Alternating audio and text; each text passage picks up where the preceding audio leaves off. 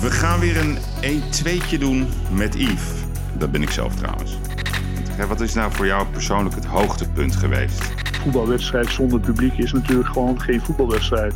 Hoe, hoe taxeer jij Femke Halsema, zeg maar, in de coronacrisis? Er zijn een aantal werkvelden die, waar Amsterdam sterk in is om internationaal bedrijven aan te trekken of uh, talenten aan te trekken. Jij geeft 1 juli het stokje over. Is het trouwens al bekend wie het stokje gaat overnemen? Welkom bij een nieuw 1-2'tje met Yves in de podcastserie Uitblinkers. Mannen en vrouwen die het verschil maken. Vorige week had ik uh, Birgitte de Winter, directeur van Avos Live. En we blijven in het gebied rondom de arena. Want vandaag ga ik bellen met Henk Markering, directeur van de arena. En waarom is hij de uitblinker van de week? Omdat er weer gevoetbald mag worden in de arena. Jawel, Nederland, Letland, het komt eraan en er mogen maar liefst 5000 mensen het stadion in. Henk Markering heeft een uh, hele lange periode bij de arena gezeten, ruim uh, 26, 28 jaar. Um, en 1 juli gaat hij vertrekken als CEO van de Amsterdam Arena. En hij wordt dan de voorzitter van VNO-NCW van de Metropool Amsterdam. Nou, ik wil een beetje met hem gaan wandelen door de geschiedenis van de arena, het arena van nu, de grasmat, wat was dat? Wordt de arena ooit groter? Wordt het toch uitgebreid? Wordt Ajax de nieuwe eigenaar van het stadion? Gaat het EK nou wel of niet door in Amsterdam, met of zonder publiek? Etcetera, etcetera. Het wordt tijd om te bellen met Henk. Hi met Henk. Ja, Henk met Yves spreek je. Goedemiddag. Hey, Yves. Hi, hi, hi. Goedemiddag. Alles goed? Hoe is het? Ja, goed, goed. Heb je al gestemd? Ik heb gestemd, ja. Oh. Ja. Had je wel je heb, uh... paspoort meegenomen? Zoals Hugo de Jong, die had een niet voorlopig paspoort. of een ik had een paspoort bij me, ik was helemaal compleet. Oh. Dus uh, ik heb aan mijn democratische uh, verplichtingen voldaan. dus ik, ik hoop dat het wat moois gaat worden. Als er maar niet een van die rare partijen te veel stemmen krijgt. En wat, wat, zijn rare partijen in jouw uh, belevenis? Nou ja, ik ben niet zo'n fan van de PVV en van Forum voor Democratie. Dat, okay. dat, vind ik enge, enge gedachten. Hmm. Maar goed, dat terzijde. We gaan, niet, we gaan het niet over politiek hebben. Nee, nee, je mag het wel zeggen hoor. Vinden de luisteraars altijd leuk. heb je op de VVD gestemd? Dat denk ik dan. Sorry? Ja, je hebt de... VVD. Ik heb op VVD gestemd, ja. Ik, heb, uh, ik heb zelfs op Rutte gestemd. Ah, kijk aan. Ik vind dat deze man het wel verdient. Uh. Oké, okay. Heel goed. Mooi dat je zo open bent. Nou, ook goed nieuws. Eindelijk, eindelijk. Eh, 5000 toeschouwers bij Nederland-Letland. Wat, wat gaat er gebeuren? Ja. Nou ja, dat, uh, daar hebben we natuurlijk lang voor gelobbyd. We, zijn, uh, we waren eigenlijk al redelijk terug uh, in september, oktober. Met een kleine 15.000 mensen in het stadion. Hmm. En toen kwam de tweede golf en, uh, en de volgende lockdown. En ging alles weer op nul. Nou, we hebben eigenlijk vorig jaar april een uh, alliantie opgericht van evenementenbouwers. En daarmee zijn we gaan uh, lobbyen bij de regering voor financiële steun. voor ja, een, een, zeg maar protocollen. Hoe terug te kunnen naar normaal. En ook naar, voor field labs. Hmm. En door middel van field labs wilden we eigenlijk kijken wat verantwoord is in deze tijd uh, met uh, nou, vaccinatie in, in, in het vooruitzicht, maar ook met testen en sneltesten. En, en er is ook een groep die, uh, die al zeg maar immuun is vanwege het feit dat ze het hebben gehad. Nou, we hebben die, dat Field Lab is, heeft heel veel onderzoeken gedaan en heeft twee weken, drie weken geleden voor het eerst tests kunnen doen. Hè, de Ziggo Dome en AFAS Live. Ja, Utrecht. Utrecht, jaarbeurs. Dus ehm, en in het verlengde daarvan uh, ja, zijn wij eigenlijk nu ook tot Field Lab uh, uh, ja, benoemd, gepromoveerd. En ja, dat geeft een enorme schwung natuurlijk, want iedereen heeft toch het gevoel dat we weer een stap maken in, in de goede richting, terug naar normaal. Want het, ja, een voetbalwedstrijd zonder publiek is natuurlijk gewoon geen voetbalwedstrijd. Het heeft enorm, ja, is een enorm, doet enorm afbreuk zeg maar, aan, aan de hele emotie van, van het spel. Dus, uh, ja. dus we gaan, uh, we, ja, dit wordt een uh, interessante operatie, omdat iedereen gevaccineerd of iedereen getest moet zijn voor dit. hoe werkt dat dan precies? Kun je het even uitleggen? Moeten ze dan een dag van tevoren of twee dagen van tevoren zich laten testen? Ja, je moet een test kunnen laten zien.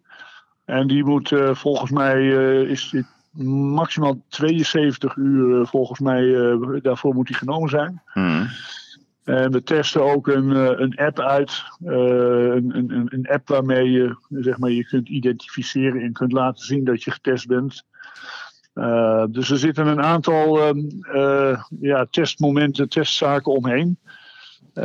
ik ben nog niet op de hoogte van alle, alle proeven die gedaan worden, maar het is, het is echt een soort laboratorium Ja, nee, maar, maar gaan jullie ook, want eh, ik heb natuurlijk eh, die andere voetbalwedstrijd al gezien, hè? dat was geloof ik bij Almere. Gaan jullie ook met bubbels werken? Hè? Dus bijvoorbeeld dat er een groepje supporters is dat mag springen, juichen en dansen bij elkaar en, en de anderhalve nou, meter. Eerlijk gezegd, ik ken, ik ken de details niet precies. Ah, elk, elk field lab heeft andere accenten. Ja. Uh, waar dit, uh, hoe dit nu precies gaat lopen, ik heb het uh, ook nog maar net gisteravond gehoord. Ik heb het draaiboek nog niet gezien eigenlijk. Oh. dus het, dat, dat moet ik het antwoord dus, helaas schuldig blijven. Ja, ja. Nee, want kijk, wat ik me namelijk afvroeg, hè, want die, die testen die nu gedaan zijn, hè, onder andere in, U, zeg maar in Utrecht, maar ook in de Zigo en recentelijk ook een vrij groot festival.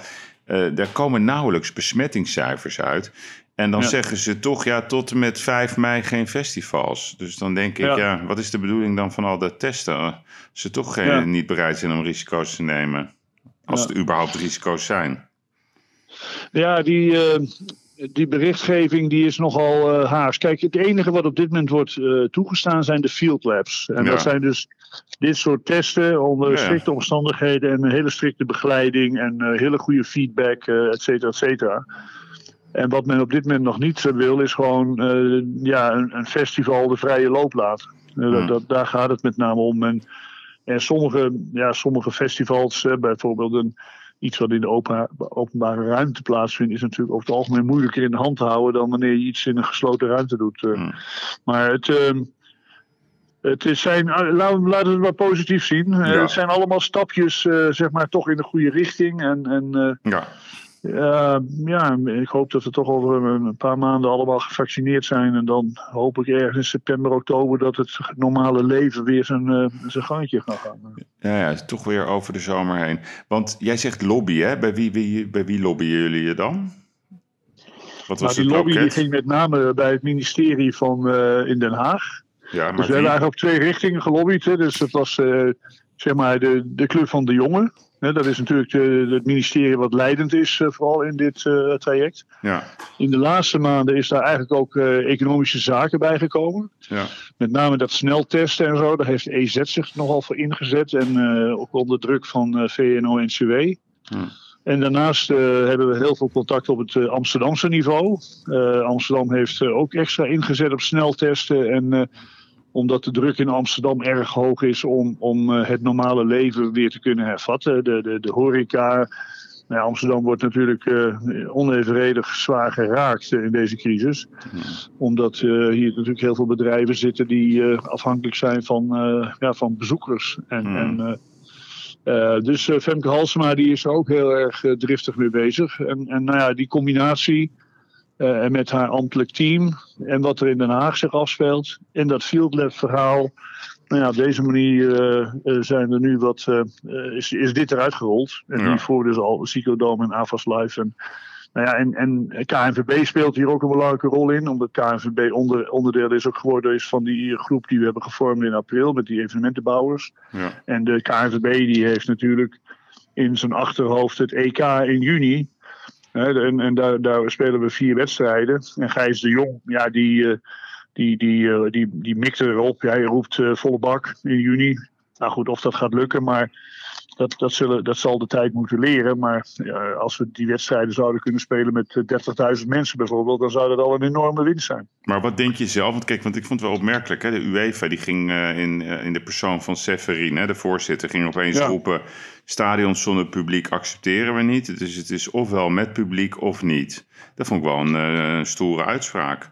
Want hoe zie jij dat zelf? Wat verwacht je zelf? Als je, want uh, Amsterdam Arena is een van de mogelijke locaties, een van de twaalf landen. Wat denk je? Ja, kijk, het is altijd onder voorbehoud. Als, de, als de ontwikkeling van het virus zich, uh, zich zo gaat zoals het nu gaat, dan, en, en we hebben dit soort testmethodes, en de UEFA die, die zegt van ja, we willen met publiek spelen, maar wel ook dat iedereen getest wordt. Hè. We, wil, Ja. Ook de UEFA die gaat niet als een blinde eh tekeer en zegt, nou iedereen moet gewoon weer vrij het stadion in kunnen. Dus onder de condities van testen en een, en een- medisch paspoort, en, eh, de- wat, waar de EU nu ook mee bezig is, dan denk ik dat eh, ja, de eh, UEFA, als ik nou een beetje druk ga zetten, hè, en er komen een aantal dingen samen, zoals het Europese paspoort en die field labs, nou ja, dan is het misschien best mogelijk om, eh, om in, in, eh, in juni met minimaal een half vol stadion te spelen. En, dus, eh, en dat is natuurlijk al een enorme winst eh, ten opzichte van een leeg stadion. Dus Ja. ik denk dat zij eh, ook wel aanvoelen dat enige politieke druk op dit moment eh, dingen toch misschien nog wel in beweging krijgt. De, de, je merkt het natuurlijk ook in de samenleving. Er is zo'n behoefte aan, Ja, aan, aan, aan, aan het, weer samenkomen, het naar een wedstrijd gaan of naar een concert gaan. Dat ja, die, die kaartjes, ik geloof dat het nu binnen, binnen nu en een, een, een half uur bekend wordt. Maar volgens mij, eh, die kaartjes waren gewoon in een paar minuten uitverkocht Ja. de wedstrijd hier. eh, dus ja is, al bekend, is al bekend gemaakt. Was is al bekend gemaakt, ja. nou, dat. Was, dat, was, dat was een, een, in één.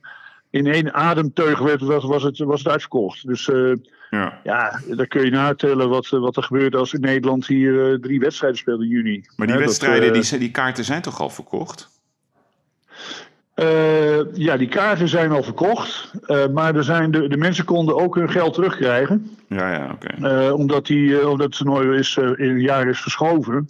En ik weet niet precies hoeveel mensen nu hun geld hebben teruggevraagd. En hoeveel kaarten er dus nog verkocht zijn. Dat, dat kan ik niet helemaal. Ik heb, wij hebben alleen het zicht op de hospitality pakketten, de skybox en zo. Die hebben wij gedaan. Ja, ja, oké. Maar de, de, de, de, zeg maar de, de, grote, de, de grote massa, die, eh, heb ik geen zicht op. Oké, dus, maar dus, ik, ik dus neem Henk- aan dat er toch nog heel veel mensen zijn die ook hun ticket hebben behouden. Ja, oké, maar dus ik noteer, Henk Markering verwacht een, een halfvolle arena tijdens het EK.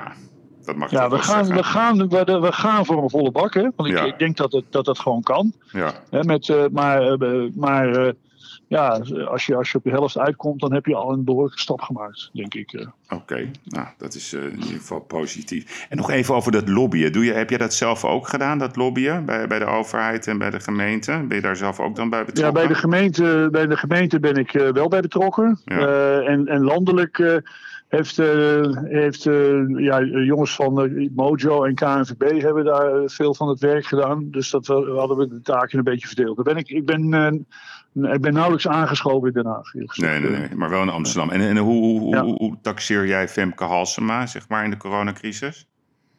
Nou ja, kijk, Femke die, die zit natuurlijk eh, met een, enorm, eh, ja, een enorme spagaat eigenlijk. Aan de ene kant is ze natuurlijk verantwoordelijk voor openbaar orde en veiligheid.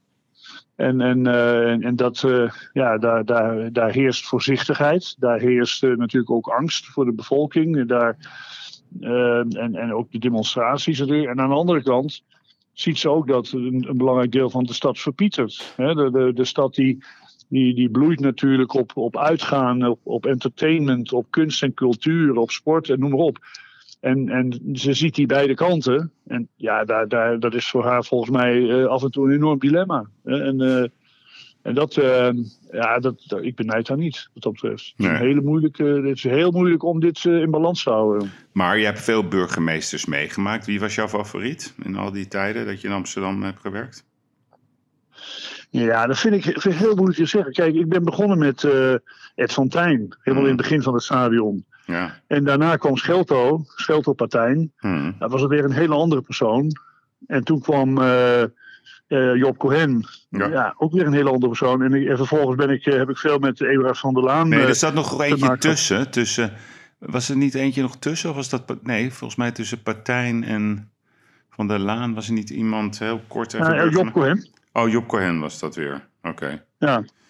Dus ik heb ze allemaal meegemaakt. En, ja, en wat, wat dat betreft waren ze allemaal, eh, hebben ze hun eigen eh, kenmerken.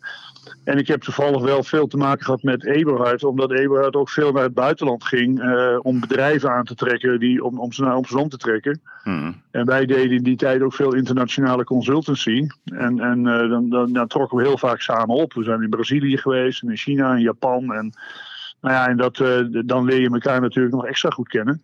Hm. Maar we hadden eigenlijk altijd de burgemeester en een wethouder in onze raad van commissarissen zitten. Dus ik heb, eh, Ja, uh, Ed Fontijn heb ik maar heel even meegemaakt. Die, die, die ken ik dan nog het minste wel als persoon. Maar daarna hadden we Schelter Partij lange tijd in de Raad van Commissarissen zitten. En ja, goed, uh, Schelter was ook een hele, eh, een hele ja, degelijke. Ja, degelijk. Ja.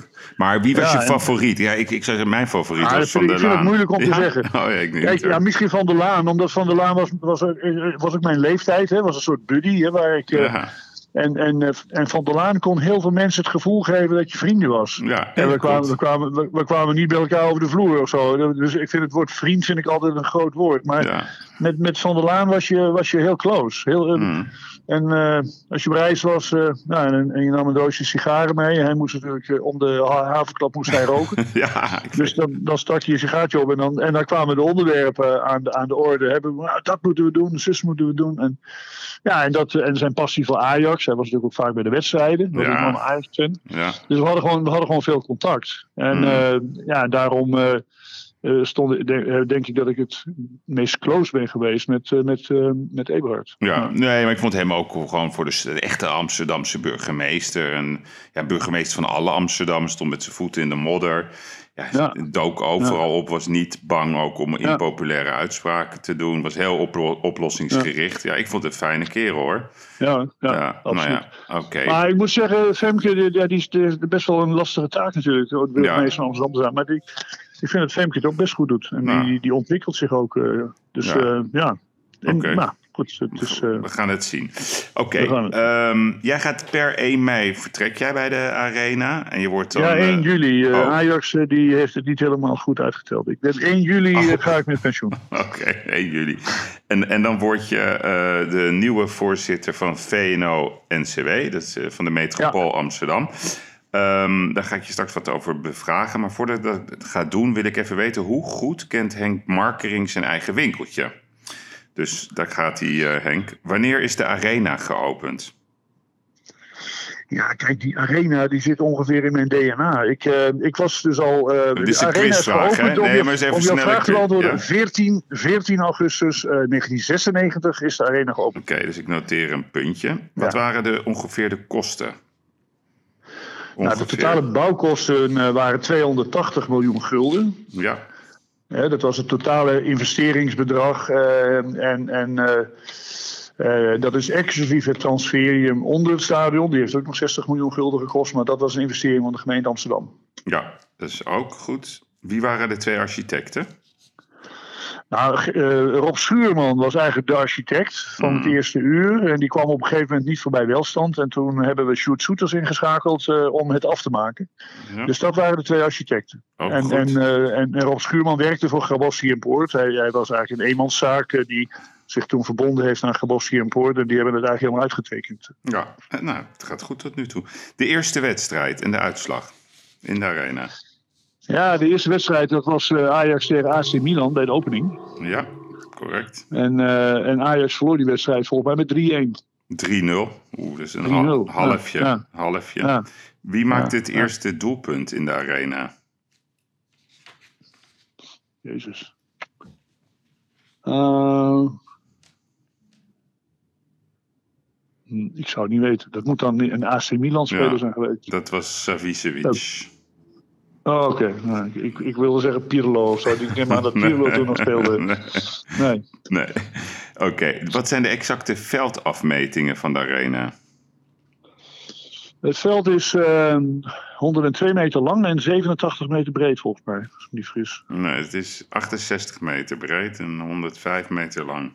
Oh, Oké, ja. Hm. Oh, ja, ja. ja, nou ja. Ja, ja, ja, ja. Wie zong de hymne tijdens de opening? De hymne van de zee. Dat Ja, was trein, Treintje Oosterhuis. eh. Helemaal goed. En tenslotte, welke internationale artiest trad als eerste op in de Amsterdam Arena? Toen nog Amsterdam Arena, nu Johan Cruijff Arena. Wie was dat? Ja, dat was Tina Turner. Heel goed. Tenminste, in een solo-concert. Want ik geloof Ja. dat we bij. eh, we hadden ook bij de sluiting. de sluiting van de. We hadden namelijk een openingsceremonie op 14, op 14 augustus. En volgens mij hadden we op 28 augustus de sluiting van de uitmarkt. Ja, En daar, en daar trad eh, Bocelli op, volgens mij. Met het eh, Radio Philharmonisch Orkest. Dus, eh, dus als je nou buitenlandse artiesten. Waarschijnlijk was hij nog eerder dan Tina Turner. Want die was namelijk 4 of 5 september of zo. Die was weer een paar weken later. Nou, maar de echte eerste groot optreden was Tina Turner. Ja, ja nou, keurig. Je krijgt van mij een uh, zo 7, 7,5.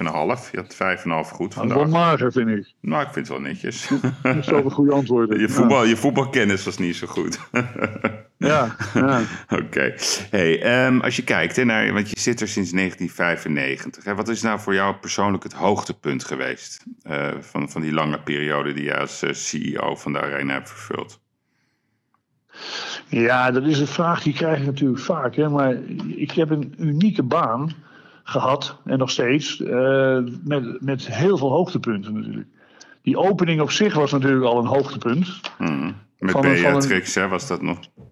Ja, met Beatrix, maar een on-Nederlands uh, scene. Het was bijna de, de Super Bowl, weet je wel. Met straaljagers die overvliegen, met die doeken die vielen, met ja, een, een, show die, die in Nederland nog nooit vertoond was, live op tv. Het was een, van een hele nieuwe dimensie. Hmm. Nou, en dat, dat, uh, ja, dat was een, al indrukwekkend. En zo hebben we zo zijn we van de ene uh, hoogtepunt naar het andere gegaan. We hadden binnen een paar maanden al Michael Jackson hier staan. En we Hmm. hebben nou goed, we hebben, we hebben natuurlijk een prachtige. Hè, de Ajax is natuurlijk altijd, uh, wordt gezegd, wat was het, 2011 of zo, de wedstrijd tegen Twente hier, Ja. dat uh, Ajax thuis uh, kampioen Ja, werd. Dat was Hè, fantastisch. daar, daar, daarvan zegt iedereen van ja, dat, dat- vanaf dat moment was Aj- eigenlijk het stadion echt een Ajax-stadion. hè. Dus dat was, een, dat was ook zo'n memorabel moment. En, en, ja, en, en de begrafenis van Hazes, het koninklijk huwelijk wat we hier hebben gedaan. Mhm. eh, het, het, is, er zijn zoveel hoogtepunten dat eh, het, eh, ja, het, is, het is bijna niet eerlijk om er eentje uit te kiezen. Nee, Maar het eh, Nederlandse elftal eh, heeft natuurlijk ook goede wedstrijden gespeeld. Maar ja, wat mij bijblijft is natuurlijk nog steeds Nederland-Italië hier in de halve finale. In, bij Euro, Euro 2000. eh, toen, eh, toen, ik weet niet die, eh, hoeveel penalties hebben we toen al niet Ja, gemist. ik geloof twee in normale speeltijd, geloof ik. En, en twee, Ja. twee daarna. Ja, het was verschrikkelijk. Dit Ja. had Nederland had gewoon met 6-0 kunnen winnen, die wedstrijd. Ja, Hij ging er gewoon niet in. Dus dat, was, dat blijft dan wel hangen. En, ja, en ook dat moment dat Jan Wouters. Toen verloren we thuis tegen, tegen, eh, tegen FC Twente. En, en dat was net op het moment dat Ajax 100 jaar werd. Het was het 100-jarig jubileum. En er was een enorm feest omheen gebouwd. Met een mu- musical in de RAI en zo. En Hmm. dat was een, eh, en, en, en tegelijkertijd ging het eigenlijk met de club op dat moment even heel slecht. En dat, dat was ook zo'n memorabel moment. Jan Wouters die werd ontslagen na die wedstrijd. En eh, Hmm. nou, toen kwam volgens mij eh, Koeman, als ik me niet vergis. Die heeft die toen niet overgenomen. Nou, anyway. Maar toen is het Nee, weer eh, ja. in de lift gekomen. Ja, en we hebben natuurlijk de laatste jaren ook geweldige wedstrijden meegemaakt in de, in de, in de Champions, League. Ja, En, ja, zeker. en eh, da- daar zat ik altijd tussen, tussen de mensen, tussen het publiek, zeg maar, op de hoofdtribune. En ja, dan zie je dus eh, bijna allemaal jankende mannen om je heen staan. Op een gegeven moment denk je van, ja, dit is van een dermate diepe emotie, hè, zo'n voetbalwedstrijd. Ja. Dat, dat, daar kan eigenlijk niks tegenop. Dat, dat kan geen wedstrijd, er kan geen concert, er kan geen, to- geen toneel, daar kan eigenlijk niks tegenop. Hè. Dat, Nee, en dat, eh, dat, ja, wat dat betreft, eh, eh, en het is wel ook steeds meer een soort totaalbeleving geworden. Mensen een hapje eten en vrienden die elkaar ontmoeten. En het, ja, het is, is eh, en, en dat is wel, wel enorm gegroeid volgens mij in de Mhm. laatste jaren ook. Hè. Dat, eh, Want ben jij zelf, totaal- zo, zeg maar, supporter? Ben jij fanatieke supporter? Ben je ook Ajax-supporter?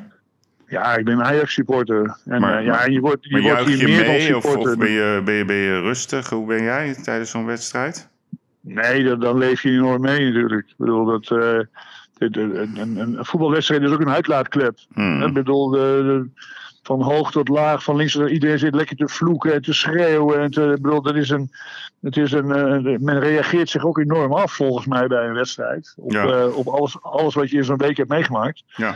Maar, nou ja, kijk, en ik, ik, ik ben bijna ja, zeg maar, onderdeel van de familie Ajax. We kennen elkaar zo goed. En de laatste jaren zie je de spelers minder. Maar vroeger zag je nog veel spelers. Dan trainden ze nog hier en zo. En ja, dan, dan, dan word je meer dan supporter. Dan, dan, dan, gaat het, ja, dan voel je je zo betrokken eigenlijk. Dat, eh, dat, dat, eh, eh, dat gaat je dan echt door merg en been als het niet goed gaat. Mhm. Maar goed, en als, Maar je, goed. als je kijkt naar de dieptepunten, want ik bedoel, we hebben hoogtepunten, maar wat waren voor jou persoonlijk de dieptepunten in die lange periode van de arena?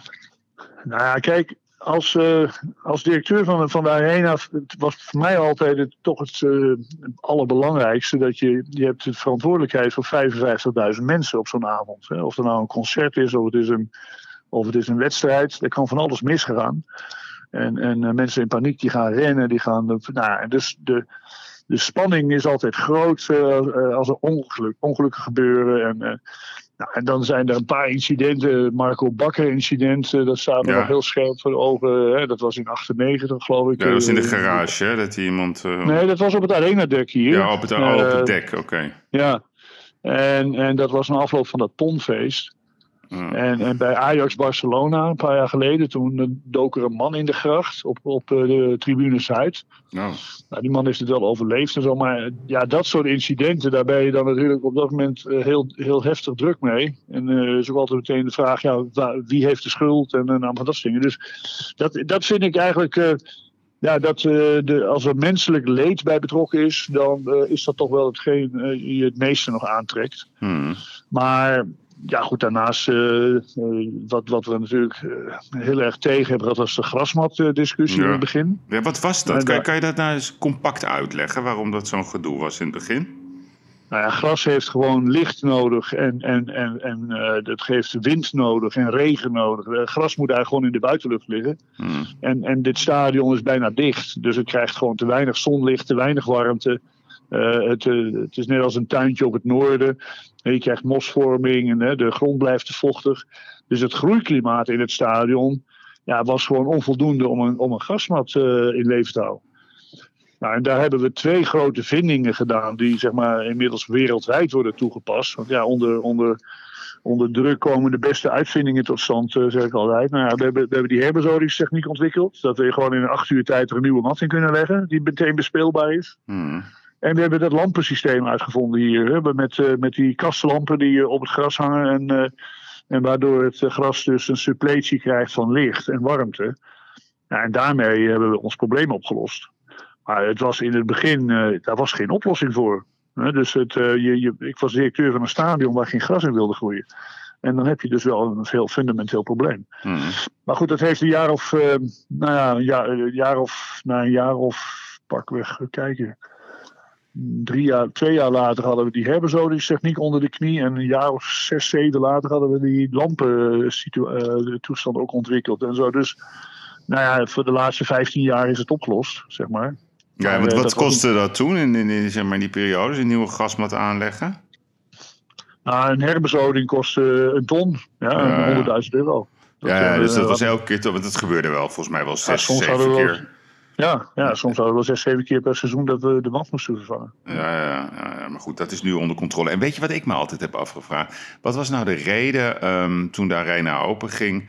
Dat, dat zeg maar aan alle zijdes uh, die grachten zaten... waardoor je nooit echt die intimiteit had in het stadion. Hè? Nu is het uh, grotendeels opgelost. Hè? Je ziet aan de ene kant dat bij de hoofdtribune is het nu aan het veld bij de overkant van de hoofdtribune uh, en zeg maar bij het niet-fanatieke gedeelte van de Ajax-supporters. Nou, de, aan de fanatieke kant is nog wel een gracht. En je ziet nu dat zeg maar die gaten zijn gedeeltelijk dichtgebouwd. Ja. Uh, kan jij je dat nog herinneren waarom dat niet gewoon vanaf dag één gedaan is? Ja, ja. Kijk, het, uh, er, zijn ontwerpvoorschriften voor stadions. en die ook voor een deel uit de koken komen van de UEFA. En eh, toen het stadion ontworpen is, zeg maar begin 90 jaren, was de regel: je moet een scheiding hebben tussen tribune en veld. om te voorkomen dat supporters het veld op kunnen komen. Dus je hebt twee mogelijkheden: of je moet een hek bouwen of een gracht. Dus uh, nou, dat, was, uh, dat was een eis van de, van de UEFA.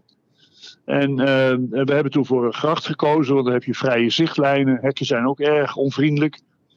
En nou, dat, uh, dat was puur om te voorkomen dat, uh, dat de mensen het veld op kwamen. Nou, en inmiddels, uh, een, een, jaar of tien geleden, toen zijn de eisen zeg maar, veranderd. En toen heeft men gezegd, je mag ook de tribune zeg maar, laten doorlopen tot het veld. Maar dan moet je dus een cordon stewards rondom het veld posteren.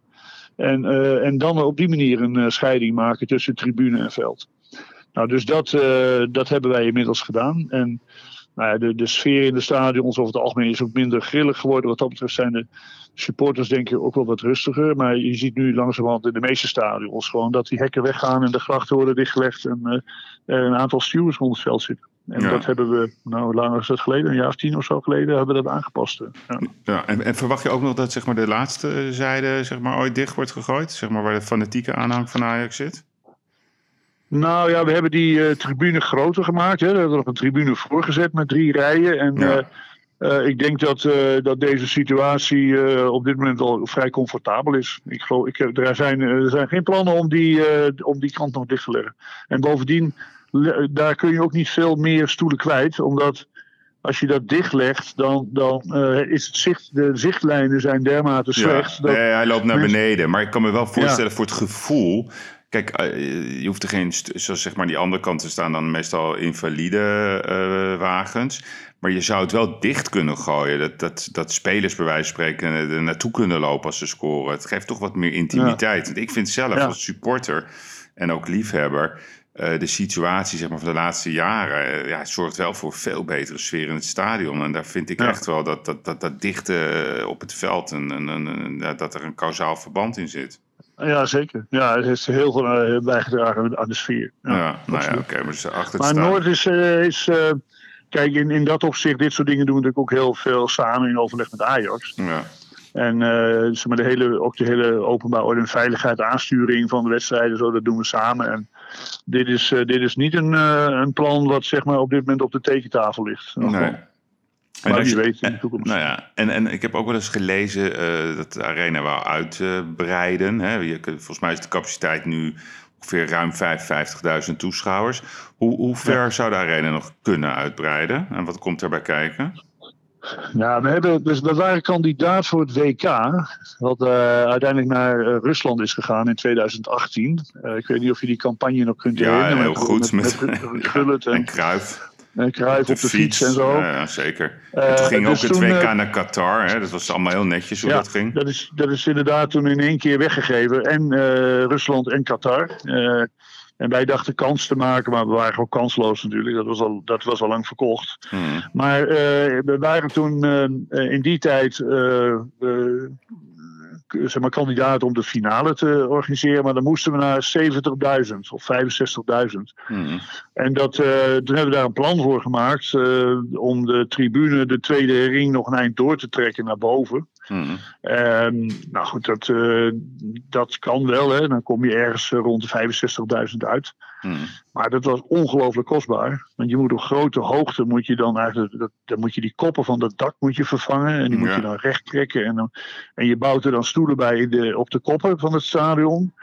Maar dan zit je dus echt, net als bij Real Madrid bijvoorbeeld, als je dan helemaal bovenin zit, dan moet je verkijker meenemen Ja. om, het, om het spel nog te kunnen zien. Dus het zijn eigenlijk de goedkoopste kaarten die het duurste zijn om te bouwen. Ja. Dus, eh, eh, dus we hebben een plaatje toen getekend en, en dat laten uitrekenen. En kwamen we op een investering van 100 miljoen. Jezus. Om, eh, om die, aan die beide kanten zeg maar, die uitbreiding dan te laten plaatsvinden. Nou, het, het, het, toernooi ging aan ons voorbij en, en, en we hebben in die tijd ook wel met Ajax gesproken. En Ajax zegt, nou we zijn nou best wel happy met de capaciteit zoals het nu is. En toen hebben we eigenlijk ook samen besloten om meer in kwaliteit eh, te investeren dan in kwantiteit. Hmm. Dus we, hebben, we zijn wel naar 55.000 geklommen inmiddels. Hè, want we begonnen met 50. Maar we hebben veel meer geïnvesteerd in, eh, ja, zoals de, de omloop op Oost hebben we verruimd. Dat er veel meer ruimte is gekomen voor de mensen om een drankje en een hapje te kopen. We hebben liften gebouwd en roltrappen gebouwd. Het hoofdgebouw helemaal uitgebreid. eh. Dus het is eigenlijk, eh, ja, onze investeringen zijn meer gericht op kwaliteit dan op eh, kwantiteit. Ja, dus En dat, dat zie je eigenlijk ook wel wereldwijd nu. Hè. Kijk naar Juventus, die hebben ook maar een stadion van 42 of zo duizend. Die hebben, die hebben ook voor, meer voor luxe gekozen en niet voor een, eh, voor een capaciteit. Ze zaten in Delle Alpi hier geloof ik met 80.000 man in de stadion. ja, Dus, vroeger eh, wel, ja. Ja, ja, zeker. Nee, maar goed, dat is gewoon wel best wel... Voor corona was natuurlijk enorme belangstelling voor, voor, voor wedstrijden van Ajax. Maar ja, als ik het zo uitreed, is het 10.000 euro per stoel. Dus als je het wil uitbreiden, dus dat is gewoon is onverantwoord. Dus eigenlijk kan je wel stellen dat de, de uitbreiding van de arena... dat gaat waarschijnlijk niet gebeuren. Nee, ik, ik, ik denk niet dat dat gaat gebeuren. Nee. Ik denk wel dat er een, eh, als je daar gewoon bedrijfseconomisch naar kijkt, eh, is dat een, eh, is dat geen goede investering. is geen goede investering. En, en, en zeg maar toen met die WK, hè, want ik bedoel, dat had dan gemoed. Hè. En iedereen wisten jullie ook dat het al verkocht was? Want ik heb me er altijd zo over verbaasd. Hè. Ik weet nog dat toen ik wist dat gewoon, dat Abramovic was naar voren geschoven namens Rusland. Nou, die deal met Qatar. Was dat ook bekend bij jullie, dat, dat de buiten eigenlijk nee, dat, dat, Wij wisten dat niet, maar kijk, je, je vermoedt wel dingen en je hoort geruchten en je leest verhalen en zo. Dus uh, er was natuurlijk wel een, er hing wel een zweem omheen van, van, uh, van, van allemaal dit soort dingen. Maar ja, wij wisten het niet echt uit de eerste hand. En, uh, maar tegelijkertijd hadden we wel zoiets van, ja, ook al ja, ook al is het, eh, is het niet een corrupte zooi, dan nog is het de vraag of je, of je veel kans maakt. Hè? Want er waren nog een aantal kandidaten. En, uh, hmm. en dan is het een, een enorme lobby in zo'n bestuur om voldoende stemmen te krijgen. En, nou, het, dus wij, wij we hadden er wel een plannen voor gemaakt, maar we hadden nog niet echt het gevoel dat we gingen winnen. Nee, nee, uh, precies. Hey, en als je kijkt naar, naar de situatie vandaag, hè, dus um, wat, wat was 2020 normaal gesproken uh, voor een jaar geweest voor, voor, voor de Amsterdam Arena of Johan Cruijff Arena? In termen zeg maar, nou van kijk, omzet uh, en winst. Wat was er normaal gebeurd? Normaal gesproken waren, hadden we dus de, de competitie van Ajax uitgespeeld, hadden we in juni het EK gehad. Ja. En uh, met uh, vier wedstrijden. En uh, er stonden nog een aantal concerten gepland in juli. Onder andere Sensation. En, ja. en ook nog iets met Mojo. En, dus het was ja, een, een, een, een qua concerten niet een, uitzonderlijk jaar geweest. Omdat het eigenlijk hoofdgerecht voetbal was. Hmm. Vanwege het EK. Maar het EK is natuurlijk, er zijn wel de bijzondere dingen die, die je dan kunt organiseren. Dus daar was eigenlijk alles op gericht. En en dat, uh, dat is dus in het water gevallen. Dat, uh... Maar in, in termen van, wat, wat doet normaal gesproken de Arena aan omzet per jaar? Onze omzet, uh, nou ja, die laatste jaren ligt dat in rond de 40 miljoen. Ja, 40 miljoen. En, en, en wat was het dan in 2020? De helft of nog minder dan de helft? poeh, even, ik weet het, ik durf het niet eens zo uit mijn hoofd te zeggen, eerlijk gezegd. Als ik, uh, dan, nee, dat ga ik zo niet uit mijn hoofd zeggen. Maar het was een wel aanzienlijk minder. Hmm. Wij gingen uit van een, wij gingen uit van een, een winst uh, van uh, na afschrijving van ongeveer anderhalf miljoen of zo, 2 miljoen. En we, we zijn geëindigd met een verlies van, van 6 miljoen of zo. zo in, die, in, in die verhouding. Ja, dus, ja. het was een het was een, behalve dat we de inkomsten misten van de wedstrijden, misten we natuurlijk de inkomsten van, van uh, uh, nou ja, ook bij Ajax, van de, van de wedstrijden en de, de, de, de catering, uh, de concerten, de rondleidingen, de congressen vanaf, we hadden nog heel veel congressen staan in april, mei, zo, die allemaal gecanceld werden. En hmm. ja, de, de business. En wij rekenen een, een boekjaar van 1 juli tot 1 juli. Ja, ja. Dus daarom, uh, ik, heb, ik heb niet de cijfers van heel 2020, omdat het eigenlijk halverwege 2020 uh, gaan wij naar het volgende boekjaar, 2021. Ja, ja dus precies. we hebben een gebroken boekjaar. Ja, oké, dus dat valt eigenlijk nog relatief mee als jullie 1 juli zeg maar gestopt zijn. Dus dan praat je over drie maanden derving ja. natuurlijk wel met het missen van het EK. Maar dan wordt het waarschijnlijk uh, dit boekjaar heel spannend. Ja. ja, dit jaar, kijk, uh, we hebben alleen uh, zeg maar in de maanden april, mei, juni uh, heel veel kunnen bezuinigen om het boekjaar wat nu loopt, hmm. ja, sowieso al meer te kunnen sturen op de, op de kosten. Hè. We hebben Hoeveel FTE hebben jullie normaal gesproken? Nou, we hadden 72 mensen in dienst en we zijn teruggegaan naar 60. Dus dat, dat, uh, dat valt. Uh, valt mee. Ja, percent, qua percentage is het best veel, hè, maar in absolute zin valt dat wel mee. Ja. Wij hadden vanaf het begin eigenlijk al de, de, de strategie in de, in de bedrijfsvoering om zoveel mogelijk uit te besteden. Dus we hebben geen, uh, we hebben alle de schoonmaken en het onderhoud van het gebouw en de beveiliging en ook het grasonderhoud, noem maar op. Alles is uitbesteed aan onderaannemers. Hmm. En dat betekent op het moment dat, dat de, de, zaak stilviel, ja, konden wij heel veel van dit soort contracten meteen terugschroeven. Hmm. dat, dat ging heel snel. Nou, daarnaast uh, ja, raakten toch een aantal mensen hun, hun, ja, hun, hun dagelijkse werk kwijt. Dus we hebben daar nog wat in kunnen snijden. Uh, daarnaast zijn we natuurlijk enorm geholpen door de NOW. Ja. Die NOW-regeling uh, die, die is fantastisch. En dan hebben we ook nog een, een, toe, een, een, toeslag of een toelage vaste lasten, TV, die TVL-regeling. Ja, ja, die is vooral in het eerste kwartaal heel aantrekkelijk. Hè? Je krijgt geloof ik 550.000 ja. euro bijna vergoed. Ja, die is verhoogd ook nu Ja, met de ingang ja. van 1 januari. Ja, eh, ja, ja, ja, die en daar, eh, omdat wij veel vaste lasten hebben, kunnen we daar ook nog behoorlijke aanspraak op maken. Dus Ja. ja, ik, wat dat betreft leven we toch gewoon in een fantastisch land. Als je Mm. ziet eh, hoe wij eh, geholpen zijn, dat zal misschien niet voor alle ondernemers gelden, maar heel veel ondernemingen, die hoor ik toch, toch wel daarover roemen. Ja. Ja, maar goed, aan de andere kant, kijk, eh, als je je winkel moet sluiten door de overheid, ja, dan is het eigenlijk best wel normaal dat de overheid, eh, die de beslisser is, ja, dat betaalt. Ja, wat kan je er als ondernemer aan doen? Ik, ik, Ja, ik, ik vind ja. het toch niet onlogisch hoor. Dat als jij, eh, stel voor je hebt tien Oh, nee, horecazaken. dat zeg ik ook niet. Dat het, het, is, het is ook logisch, maar. Er zijn ook landen waar daar gewoon geen geld voor is. Ik bedoel, eh, Nee, maar er zijn ook landen zijn- eh, zoals Duitsland, eh, de, die betaalt ook gewoon de bon op een normale manier. Ja, dus. En wij zijn een rijk Nee, maar ik, land. ik, ik bedoel ermee te zeggen, het is een, het is een soort luxe. we leven in een heel luxe land, een heel een rijk land. Ja. Dat we ons dit kunnen permitteren. En dat, eh, dat is toch wel, eh, ja, dat is niet iedereen gegeven in de wereld. Eh, Er zijn landen waar, waar je gewoon op een houtje moet bijten. Dat is, daar heeft de overheid het geld niet om je te steunen. Nee, Dus nee. dat is, ik, ik, ja, ik vind het op, op zich.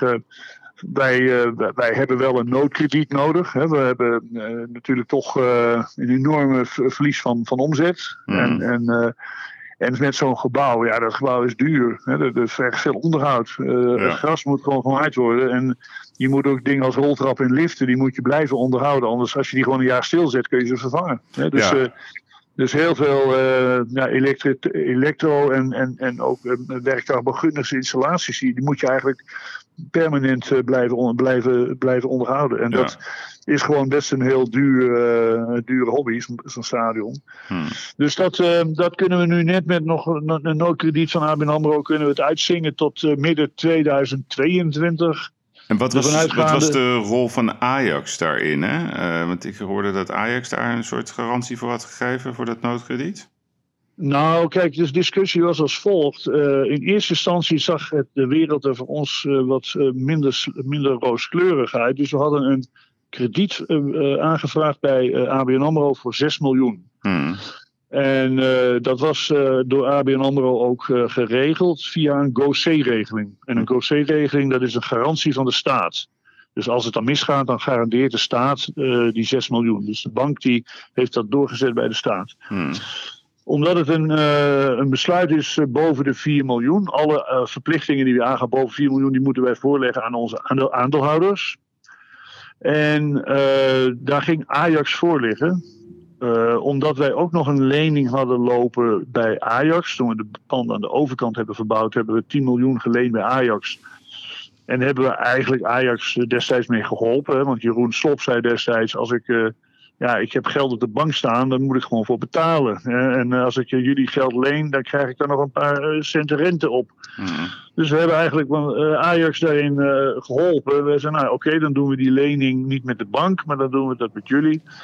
En, eh, maar toen die GoC-regeling aan de orde was, zei de staat, zei van nou ja, dan moeten alle andere leningen die er lopen te staan, moeten achtergesteld worden.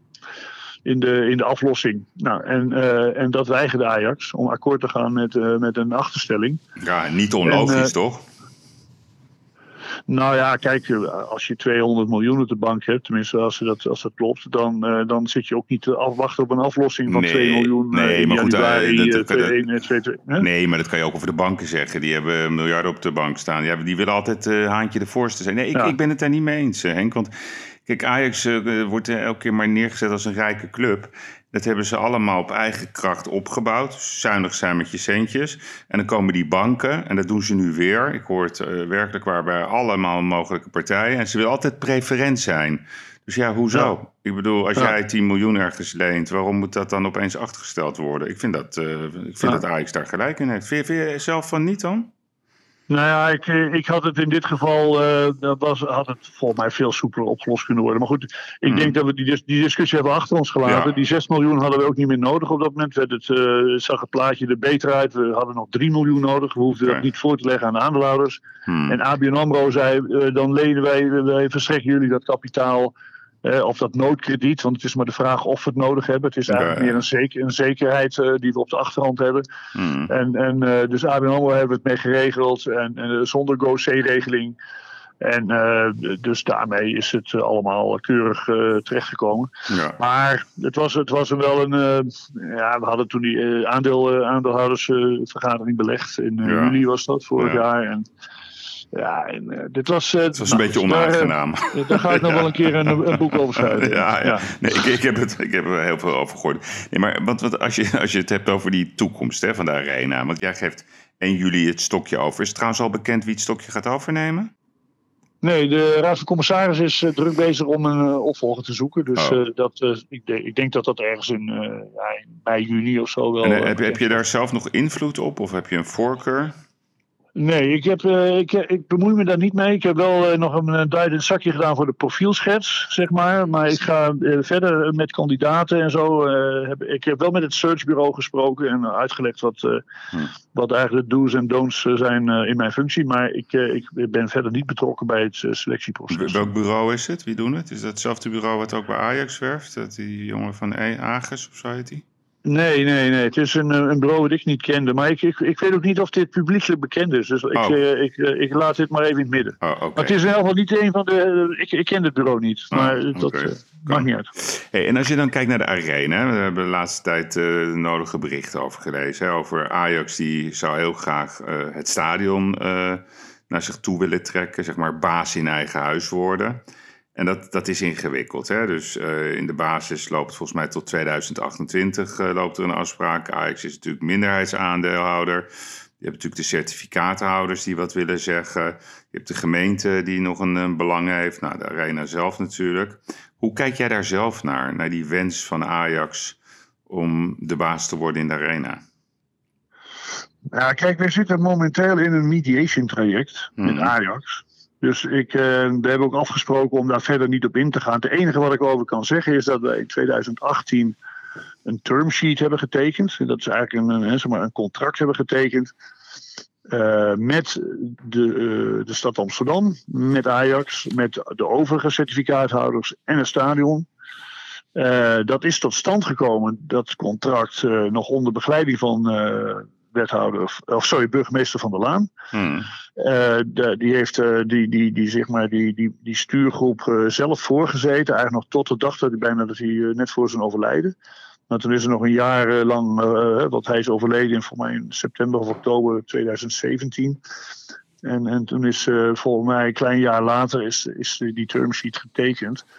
Nou, en daar, is, daar zijn afspraken in gemaakt uh, over een paar dingen, aanpassingen in de governance uh, van het stadion. En de, daar is afspraak gemaakt over dividenduitkering. Er zijn nou, een aantal afspraken gemaakt. En daar is ook afgesproken dat er in elk geval tot 2018 uh, eh, geen sprake zal zijn en kan zijn van een partij die een meerderheidsaandeelhouder wordt.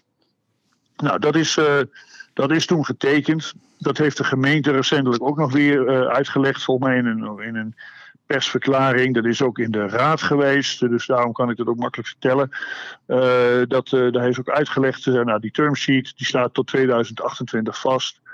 En daar hebben partijen goed over nagedacht. Daar is, nou, volgens mij is dat 2,5 jaar is daarover gedebatteerd. Dus dat is een rijp verhaal. dus that's it. Nou, en daarom uh, ja, moeten we kijken dat we onder dat gesternte van die term sheet toch uh, ja, misschien nog tot een aantal uh, afspraken kunnen komen, zodat we weer vrolijk verder kunnen in de komende jaren. Hmm. Nee, maar kijk, wat ik gewoon niet gewoon als, als gewoon buitenstaander. Hè? Dus, dus als je kijkt naar de verhoudingen, je hebt natuurlijk die stak, hè, die stichting was toen ook heel gevecht met de naamswijziging hè, van Amsterdam Arena, Johan Cruijff Arena. Nou, volgens mij heeft Ebert van der Laan, was ook echt een wens van hem, hè?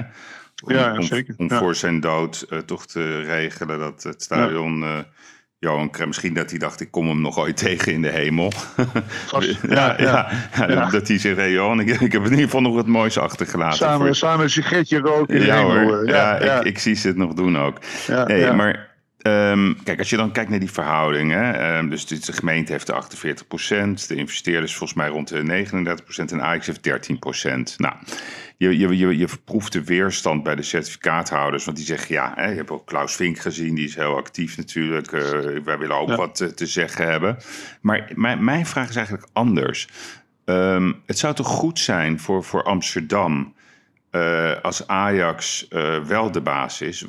Wiens belangen zouden geschaad worden als Ajax ehm, de, zeg maar, het voor het zeggen krijgt in de arena? Die snap ik namelijk niet.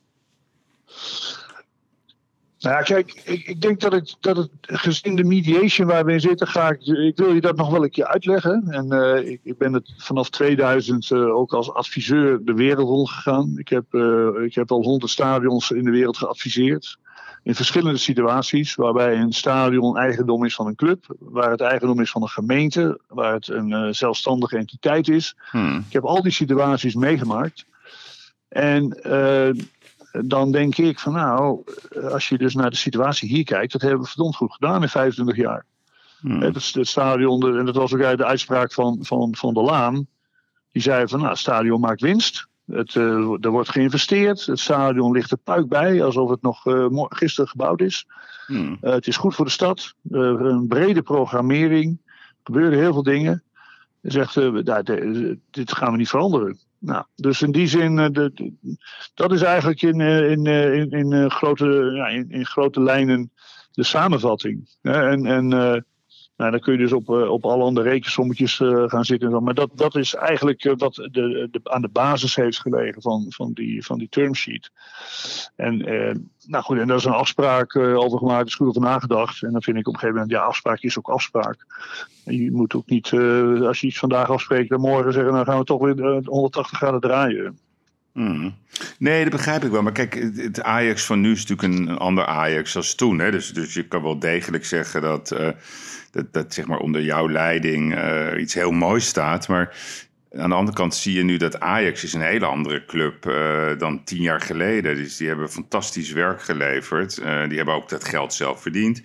En als maar Ajax heeft binnen het stadion alle vrijheid om, uh, om zeg maar hun business uh, te doen die ze willen doen. Ja, maar toch. Bedoel, kijk... Uh, ze, ze, hebben, ze hebben in feite, ze kunnen de kaartprijzen verhogen, ze kunnen ja. de arrangementen bouwen, ze kunnen in feite heeft Ajax alle, alle ruimte. Hè? Dus in die zin kunnen ze gewoon ook zakelijk gezien ja. kunnen, kunnen ze hun gang gaan. Ja, maar het dus, blijft natuurlijk lastig. Hè? Kijk, als je kijkt zo'n KPN, volgens mij uit mijn informatie betalen die 5 tot 10 procent van wat Sigo aan Ajax betaalt. Hè? Sigo betaalt volgens mij rond de 10 miljoen aan Ajax. Nou, ik denk dat uh, wat KPN betaalt aan de Arena, dat ligt volgens mij op 5 tot 10 procent. Dat zijn natuurlijk de grote bedragen. Dus als je als, als, je als club mee wil doen, hè, je gaf net voorbeelden. Kijk, Bayern München is, vind ik, het goede voorbeeld hoe het wel kan. En als je ziet, de organisatie is geprofessionaliseerd. Wat ik hoor bij de gemeente, en zeker toen uh, Udo Kokker nog zat dat ze denken, nou ja, waarom niet? Weet je, ze hebben toch ook op dit moment genoeg problemen. Dus ik, snap, ik snap dat niet. Ik denk namelijk. Ik wil er nou wel eens een boompje met je over opzetten als die uh, mediation voor voorbij is. Maar ja, kijk, ik heb die rekensommetjes uh, gemaakt en uh, ook al die varianten naast elkaar ge gezien. En ook wat, ja, wat in de verschillende situaties, als de club het allemaal voor het zeggen heeft, of als een gemeente het allemaal voor het zeggen heeft, of als het die, al die varianten naast elkaar gezien. En dan zie je dan zie je toch hele grote verschillen. En, hmm. Maar goed, nogmaals, ik, uh, ik wilde, ik wilde nog wel eens, dat is wel, op zich is dat wel een interessante bedrijfseconomische uh, exercitie. Hmm. Uh, en en dan, dan zul je ook zien dat een verschil met Bayern München, ja, de grote clubs, de grote verschil zit natuurlijk gewoon in uitzendrechten, in de tv-rechten. Tuurlijk, nee, maar dat is duidelijk. Maar... En, en, en, met, en een stadion ja, heeft, heeft zijn beperkingen. Ja. En een stadion is ook een hartstikke duur ding ook nog. Nee, dus zeker. Eh, maar ben jij niet bang dat Ajax op een gegeven moment zegt... van ja, zoek het lekker uit, we gaan naar Noord? Nou ja, kijk naar de worsteling in Rotterdam. Ja, maar dat is een andere In Rotterdam proberen ze een nieuw stadion te bouwen. Nou, als je dit stadion zou moeten bouwen vandaag, dan kost het 500 miljoen. En, en, uh, en, en ja, hoe ga je dat financieren? Ik bedoel, eh, en dat, daar kom ik terug op. Uh, kijk, de mannen van, van het bestuur, Michael van Praag, Uri Coronel, Arie van Os. Ja. ja, dat waren wel zieners. Die hebben echt, in die, in die tijd hebben ze een fantastisch vooruitziende blik gehad. En hun stelling was ook eigenlijk altijd: ja, het geld moet op het veld staan. En, en je moet als voetbalclub je geld niet in, je steen, in de stenen stoppen want dat voegt niks toe. En uh, dat is alleen maar duur. En zeker als je maar 25 wedstrijden per jaar speelt. Nee, maar je moet je voorstellen, want ik kan die rekensommetjes ook maken. Kijk, als je op een gegeven moment zegt, nou weet je wat, we gooien alles plat in de arena. Nou, dan, dan, en je gaat daar bouwen, je gaat daar grote uh, torens neerzetten, ja, dat levert ook natuurlijk honderden miljoenen op. En dan is natuurlijk de vraag, ja, wat krijgt de Ajax? Want die zou dan de organiserende partij zijn. Ja, dan ga je ook met een zak vol geld ergens naar een andere regio in ja, je. Moet het, het dossier uh, Feyenoord maar eens bestuderen. Nee, maar het dossier Feyenoord ken ik... Hoe moeilijk het is. Ja, maar ik ken het goed. Alleen het probleem van het dossier Feyenoord is... is dat Feyenoord is een armlastige club. En dat is qua organisatie... en dat vind ik heel jammer... want ik, ik zou het fijn vinden als Feyenoord weer terugkomt. Uh, dat is goed, denk ik, ook voor het Nederlandse voetbal. Dat kan je echt niet vergelijken met het Ajax van nu. Ik denk als je het Ajax van nu vertaald naar nou, misschien een tijdperk van de Harms, om maar een slecht voorbeeld te noemen, dan had ik het niet aangedurfd. Maar er staat nu toch echt wel een hele andere organisatie. Ja. Ik hoor die geluiden wel, hè, dat ze denken van ja, weet je, anders uh, we gaan het misschien ergens anders dan maar neerzetten. Dat wil je, dat wil je toch niet meemaken? Ja, nou goed, het, uh, ik denk dat dat nooit gaat gebeuren. Maar goed, uh, dat, okay. uh, wie, zal, wie, zal, het. kijk, dit, dit stadion is, is zo goed als nieuw. Ik bedoel, dit ga je ook niet afbreken. Maar ja, dat kan natuurlijk. Maar mm. de, de, de, grond is van de gemeente. Dus in die ja. zin is het ook niet, niet een kwestie van dat je dan even kunt cashen. Maar nou, het, ja. het is een ik laat dat uh, graag over aan mijn aan opvolgers. Maar ik heb daar wel een, uh, een heel uitgesproken idee over. Maar dat, uh, dat kan ja, ik. Voor, ja, jammer voor de niet... luisteraars. ja, okay. ja, ik ga daar nu niet over echt in, in, okay. in, detail op in. Omdat, om, omdat ik. Ik vind het niet heel erg chic om in, in zo'n mediation traject. om dan. precies uit te leggen hoe, je, hoe je in de wedstrijd zit. Nee. maar het is een nou ja, goed, er zijn zoveel voorbeelden in de wereld uh, die, uh, die je erbij kunt aanhalen. Maar ik, uh, ik ga het nog wel een keer uitleggen als de mediation achter de rug is. Of als ik van mijn pensioen geniet. Ja, en heb je wel enig idee wanneer de mediation is afgerond? Ja, de, de, we hopen dat die, die strijd beslecht is nog voordat ik weg ben. Ja, ja oké. Dus voor 1 juli is de hoop wel... Ja, dat zou voor mijn opvolger wel prettig zijn als hij met een redelijk schone lijn kan beginnen. Ja, dan, dus dan is mijn inschatting dat het gaat over de exploitatierechten. En dat dat waarschijnlijk dan uh, het eindoordeel gaat worden. Want ik heb niet het idee dat de wens van Ajax in vervulling gaat komen. Maar dat is een taxering hoor. Dus ik ga je niet uitdagen om er iets over te zeggen. Ja, ik kan het, ik kan het ook niet. Uh, alles wat je daarover zegt, dat is een beetje als met uh, COVID. Het zijn veel speculaties. ja, dus ik, nee, klopt. We laten dat maar even gebeuren. Oké, okay. nee, geen probleem. hey, en, en Henk, um, jij wordt de opvolger van Hans Bakker. Hè? Dat is een zeer gewaardeerde man. Die was de, de, de baas van de RAI. want jij, jij gaat VNO-NCW Metropool Amsterdam leiden als voorzitter. Ja. Um, hele belangrijke metropool. Wat, wat, wat wordt jouw uh, doel met deze metropool voor de komende vijf jaar? Nou ja, dit, uh, ik stap in op een moment dat uh, eigenlijk weer een nieuwe economie moet gaan opbloeien, zeg maar. Hè. Dan, tegen de tijd dat ik goed en wel bezig ben, dan hoop ik dat, dat we verlost zijn van, van het corona, de coronaperikelen. Hmm. En dat we in het najaar weer heel langzaam teruggaan naar, naar normaal. En de metropool Amsterdam is natuurlijk ongelooflijk hard geraakt door deze crisis. En vooral omdat we ook een, bezoekerseconomie hebben en veel op transport en logistiek zitten zo, rond Schiphol, et cetera. Dus er is, een, er is ten eerste natuurlijk heel veel te doen om, om weer te herstellen. En dat iedereen weer patiënten gaat verdienen. En dan vervolgens is het natuurlijk een enorme uitdaging om uh, aandacht te geven aan zaken als energietransitie, de digitalisering. er zijn een aantal werkvelden die, waar Amsterdam sterk in is om internationaal bedrijven aan te trekken of talenten aan te trekken. En er is dus in die zin ja, een, een, een, nieuwe, een, een, nieuwe periode breekt er weer aan. Hmm. En er komt bij dat uh, ja, Femke Halsma heeft aangegeven dat, uh, dat ze de metropool heel belangrijk uh, gaat vinden. En hoe, ver ja, reikt de metropool? Hoe groot ziet ze die? Tot aan Almere? Nou ja, ja, tot en met Almere, Hilversum. ik moet even, nee, volgens mij is Almere bij VNO-NCW zit het geloof ik bij Centraal Nederland, als ik me niet vergis. Maar dat, ik, moet dat nog even, maar ik ga wel van tot en met Haarlem, uh, hmm. Zaandam, uh, bij Haarlemmermeer, uh, Amstelveen, tot, tot Hilversum.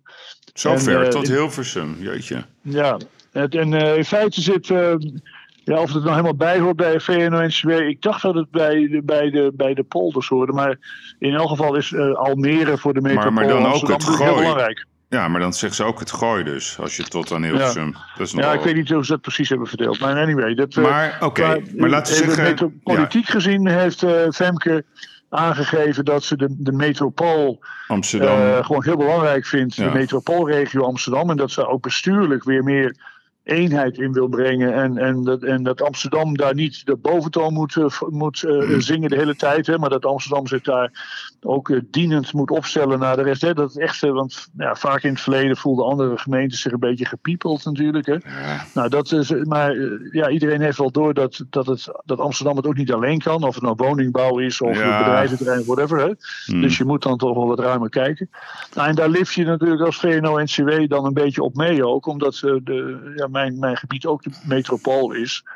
En het eh, over de hele economie gaat eh, van, die, eh, van die metropool. En daar, ja, dan, dan ben je natuurlijk toch sterker dan wanneer je het gewoon even als postzegels. Nee, begrijp ik. Maar kijk, wat, wat- ik, ik krijg het hier altijd zo kriebelig van. Hè? Dan zeggen ze, ja, we moeten dienend zijn. Maar ja, je hebt ook de hele wereld over gereisd. En, en als ik dan praat met investeerders en met grote bedrijven... die willen gewoon in Amsterdam. En dan is het wel Ja. leuk dat je heel dienend bent... en dat je weer het bekende poldermodel in de groep gooit. Maar je zal toch wel, zeker naar de toekomst... en zeker met, met het achterhoofd van corona... en zeker ook met het enorme verlies aan toerisme... en, en investeringen in onze stad... Ja, wat is, wat is zeg maar dan het standpunt, de visie eh, van Amsterdam, hoe ze zich gaan neerzetten in de wereld? Want je kan dit niet zonder de wereld. Wat worden wij Ja, voor kijk, een stad? De, de, de brand. eh, ik- ben Ja, maar wat is die eh, brand dan? of- ik ben nog een jaar of vijf eh, voorzitter geweest van het ATCB des, destijds. Ja. En later nog een tijdje in bestuur gezeten van Amsterdam Marketing. Ja, En, en eh, in die tijd was het ook, eh, Zandvoort was Amsterdam Beach. Hè, en, Ja, nou, ja. en je had Amsterdam Castle, hè, en, dat was het uh, buitenslot. En je had Amsterdam Gardens, dat was het. Keukenhof. En nou ja, kijk, zo kun je jezelf in de wereld zetten. Eh, maar eh, daar komt men ook weer een beetje van terug. Natuurlijk de hele, de, hele bezoekerseconomie eh, aanvliegen, dat is weer, ook weer een ander verhaal geworden. Maar het is een. Eh, eh, de met, Amsterdam is de brand. Ja, Dus maar- daar, daar hoeven, ja, daar oké. hoeven we niet zo lang bij stil te staan. Want dan kijken of je nou Brazilië bent of je. nee, begrijp ik wel. Maar Ah, kijk, ze hadden eerst I Amsterdam. Hè? Dat, was een, een- dat heeft heel lang geduurd voordat die campagne was geland. En op het moment dat die was geland en dat iedereen enthousiast was, kwam GroenLinks in Amsterdam. En het eerste wat ze deden was een belletje naar eh, Amsterdam Marketing. Kunnen jullie de letters weghalen bij het Rijksmuseum? Nou, en de, en de, Ja. re- de rest is history. Dus ze hebben gewoon Ja. een merk, hè, de brand hebben ze gewoon gekild, vernietigd. Onbegrijpelijk, vind ik. Daarnaast Ja. hebben ze ook eh, ehm, zeg maar Amsterdam verboden om in het buitenland promotie te maken voor de stad. Vraag het aan de directeur van het Rijksmuseum. Vraag het aan de directeur van het, eh, van het Van Gogh Museum. Ze mochten gewoon niet eens meer wat zeggen, omdat ze vonden het is te druk in de stad. Ja. Maar laten we gewoon eerlijk zijn. Er waren gewoon veel te veel van die, van die dagtoeristen uit Engeland. die gewoon liepen te zeiken. En, of eh, te zeiken Ja. in de grachten en te pissen. En, en gewoon geen kwaliteit brachten aan de stad. Ja. Dus daarom vraag ik. En ik denk dat jij met al jouw ervaring en je rust. een hele verbindende rol daarin kan vervullen. Wat is nou de visie van, van de metropool. met Amsterdam, zeg maar, als, als, als centrum toch wel van de macht eh, naar de wereld. Wat, wat, wat gaan we doen? Gaan we voor de kwaliteitstoerist? Of gaan we weer voor, voor dat verschrikkelijke fly-in toerist voor, voor, voor 50 euro? Wat gaan we doen? Worden we een duurzame stad? Worden we een innovatieve stad? Wat, wat worden Kijk, we? eh, als, we, als we kijken naar de, de logistieke hub, hè, want eh, er zijn natuurlijk meer dingen dan de toeristen. Maar als, laten we beginnen bij het toerisme. Ik denk dat je, dat je gelijk hebt dat de, we moeten zorgen dat de overlast eh, die door bepaalde groepen is eh, veroorzaakt, dat we, dat we die inperken. Maar Amsterdam is nog steeds. eh, de, de gasten uit, uit, of ze nou uit Nederland komen of uit Japan komen, die zijn nog steeds hartstikke welkom als ze komen voor de, voor de tophotels en de, en de musea. En, nou, en ze gaan bij, bij, bij Benno Lezer nog uh, wat uh, kopen, bij wijze van spreken. Dus wat dat betreft, dat, dat, dat is de type toerist die Amsterdam graag wil hebben. En daar hoort ook de congressen bij, hè, die krijgen ja. ook weer nieuw aandacht. Hè, want even was het ook, ja. ja. de congresmarkt lag ook een beetje onder vuur. Maar nu hebben, heeft het gemeente ook gezegd, ja nee, congressen, dat voegt wel heel veel waarde toe. Hè. Kijk naar de hotels, kijk naar de Okura's van deze wereld en de rij. Nee, maar, dus, zijn, nee, maar weet dus, je wat, Henk, maar wat ik, ik ga je onderbreken, want die, die markt ken ik natuurlijk ontzettend goed. Hè? En, en uh, we hebben in Amsterdam hebben we IBC, we hebben uh, maar ook het cardiologencongres, uh, PLMA. Dat zijn ontzettende belangrijke congressen voor de hele stad. Hè? Ik, ik organiseer al, ja. zelf al 18 ja. jaar beurzen.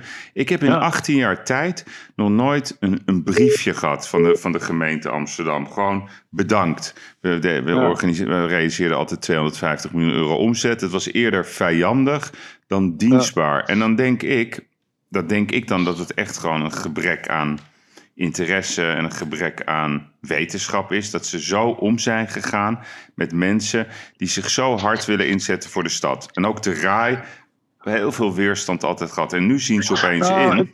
Ja, maar nu zien ze dus in dat een euro in de RAI is, is, is factor X in de stad. Ja. Dus voor de taxichauffeurs is voor alles en iedereen interessant. En daarom, ik, ik smacht echt hè, naar een visie en, en, en wat mij betreft uh, staan we allemaal klaar om te helpen. Uh, Femke staat hier niet alleen voor, laat dat even duidelijk zijn. En, en jij ook met jouw rol is heel erg belangrijk.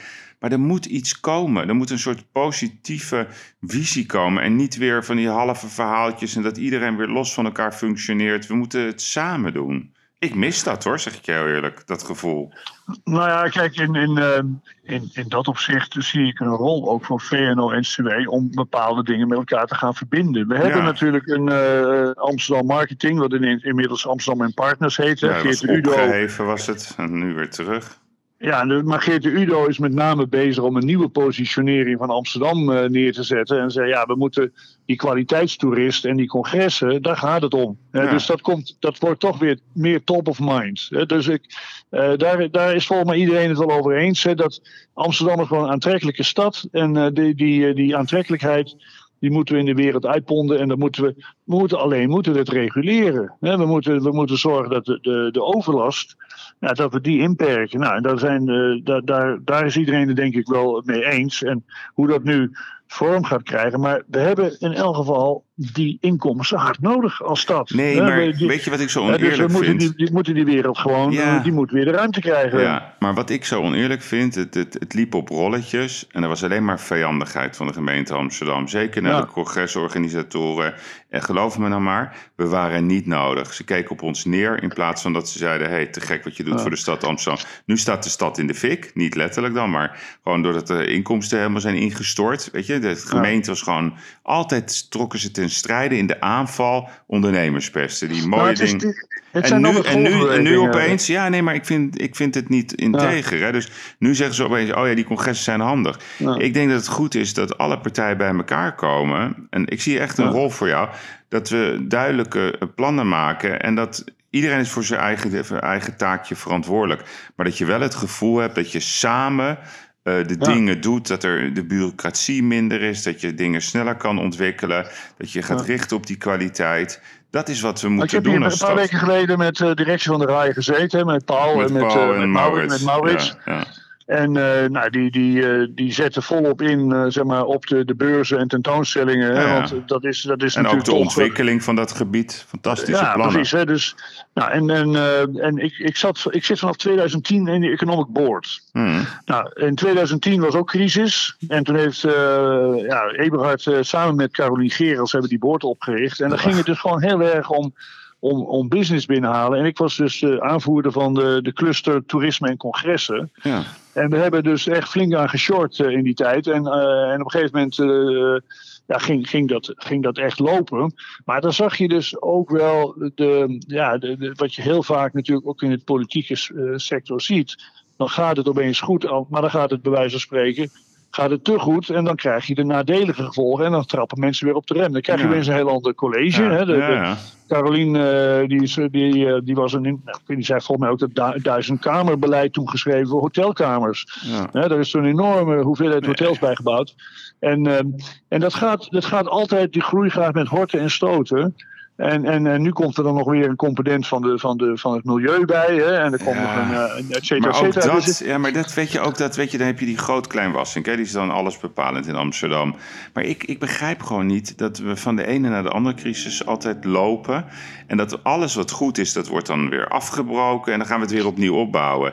Hoe moeilijk, hoe moeilijk kan het zijn om vanuit je positieve positie nog beter te worden? Ja. Het is bizar. je moet- het is moet- een soort, je- soort je- cirkel die werkelijk waar zolang Ja. ik onderneem gaande is. Elke keer weer. En het heeft altijd te maken met de signatuur van het stadsdeel. Als dat heel links is, om het zo maar te noemen, dan gaan ze ondernemertjes pesten.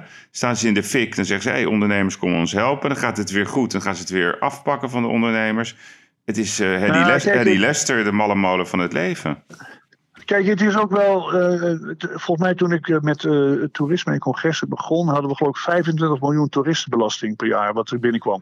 Ik Ja. geloof dat er inmiddels is het 200 miljoen of zo. dat is een maar, gigantisch ja, maar bedrag. dit jaar verliezen ze En- geloof ik 300 miljoen Ja, nu, en, en nu, zit, nu zitten we natuurlijk in een crisis. Hè? En- Ja. maar deze crisis heeft iedereen wel tot nadenken gestemd. En dat, deze crisis heeft in die zin volgens mij wel wat bereikt. Dat we zeggen, er is een soort realiteitszin ontstaan. Ja. Dat we zeggen, ja, we gaan niet het kind met het badwater weggooien. We gaan, we gaan niet Amsterdam afsluiten of zo. Nee, Nee. eh, als je ziet hoeveel arbeidsplaatsen er verloren zijn gegaan, hoeveel omzet we hebben moeten inleveren, ja, dat, kan, dat kan Amsterdam zich niet permitteren. Of, en, eh, en zeker groot Amsterdam moet je er zeggen, want ja, daar hoort Schiphol Ja. ook bij. Nee, En zeker, alles. bij. Ja. En de, daar horen ook de cruiseschepen bij. Hoor. Ik bedoel, Ja. we hebben wat dat betreft een hele mooie positie opgebouwd. Maar ik denk dat we wel nu in een periode aanlanden dat iedereen zegt, ja, het moet wel weer een patiënten verdienen om die, om die motor weer aan de gang te krijgen. Maar laten we meteen kijken of we de, de nadelige kanten en eh, of we die, of we die kunnen, eh, kunnen afblokken. Dat het een, want je moet, je moet ook toegeven, is op sommige momenten liep het ook de spuigaten uit Nee, natuurlijk, maar- met al die bierfietsen Maar, en maar, maar dat is krankzinnig. Maar dat is, ik, Ja. dat is wat ik juist bedoel. Ik zeg, willen wij die toeristen die voor, met Fly Air en, en, en EasyJet en die, die stad inkomen, blowend door de stad lopen, werkelijk waar overal troep maken? Of willen wij gewoon een mooie kwaliteitsstad zijn? En dat gaat Ja. echt niet altijd om duur. Hè? Je kan allerlei Ja. manieren bedenken. Je kan creatieve mensen halen. Maar een stad met een visie, een schone stad, een duurzame stad, een stad waar het leven bruist, waar het leuk is, waar weinig criminaliteit is. Dat moet je met z'n allen doen. Kijk, ik, ik zeg dit tegen jou, omdat ik vind jou wel een verbindende man. Je, je hebt nu een positie dat je ontzettend veel bruggen zou kunnen bouwen. En ik denk zeker dat er niet sprake is van onwil, eerder van ja, principes, of ik weet niet hoe je het noemen moet. Maar verbind alle partijen met elkaar en dan maken we Amsterdam weer de mooiste swingende stad van de wereld. En daar wordt iedereen, Ja. denk ik, heel gelukkig van. Nou, ik heb ook. Nee, ik ben eh, het, ben het helemaal mee eens. Want kijk, eh, want dat is ook, ook typisch Amsterdam, is natuurlijk dat je een enorme snelle een versplintering krijgt. Hè? Dus, Ja, eh, het is niet ik nodig. ik, ben, ik, ik zit ook nu in het masterplan voor Zuidoost. Om, Ja. om te helpen om Zuidoost zeg maar, een, een eindje op weg te helpen. En als je dan een beetje in die materie duikt, dan is er een diarree aan, aan organisaties. Ja, maar en- dat en- is wat ik bedoel. En- Het is verschrikkelijk. En, er zitten zulke leuke mensen. Zo mooi. Er zitten, Ja. We hebben 200 culturen in Amsterdam. Ja, Laten we het ja. dus culturen noemen.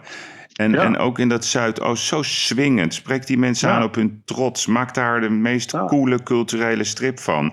Ga naar West. Maar als je maar- ziet wat we bereikt hebben op het gebied van de nieuwe technologie, hoeveel techbedrijven hier zijn geland. Ja, maar dat Dat is is het niet... laatste stuk in het parool. Ik wist, ik wist niet eens het bestaan van heel Ja, veel bedrijven die voor Ja, maar heel Henk, veel geld zeg maar, ja. naar de beurs zijn gegaan. maar ga je Dus- er toch iets, iets een, een winstwaarschuwing over geven? Want heel veel van die techbedrijven, eh, Uber is nu aan het bouwen, zeg maar, eh, in de Zuidas daar op, eh, op de rand.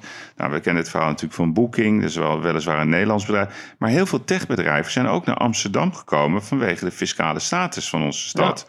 Dus. Dat, dat vind ik zelf niet een heel positief motief, om het zo maar te noemen.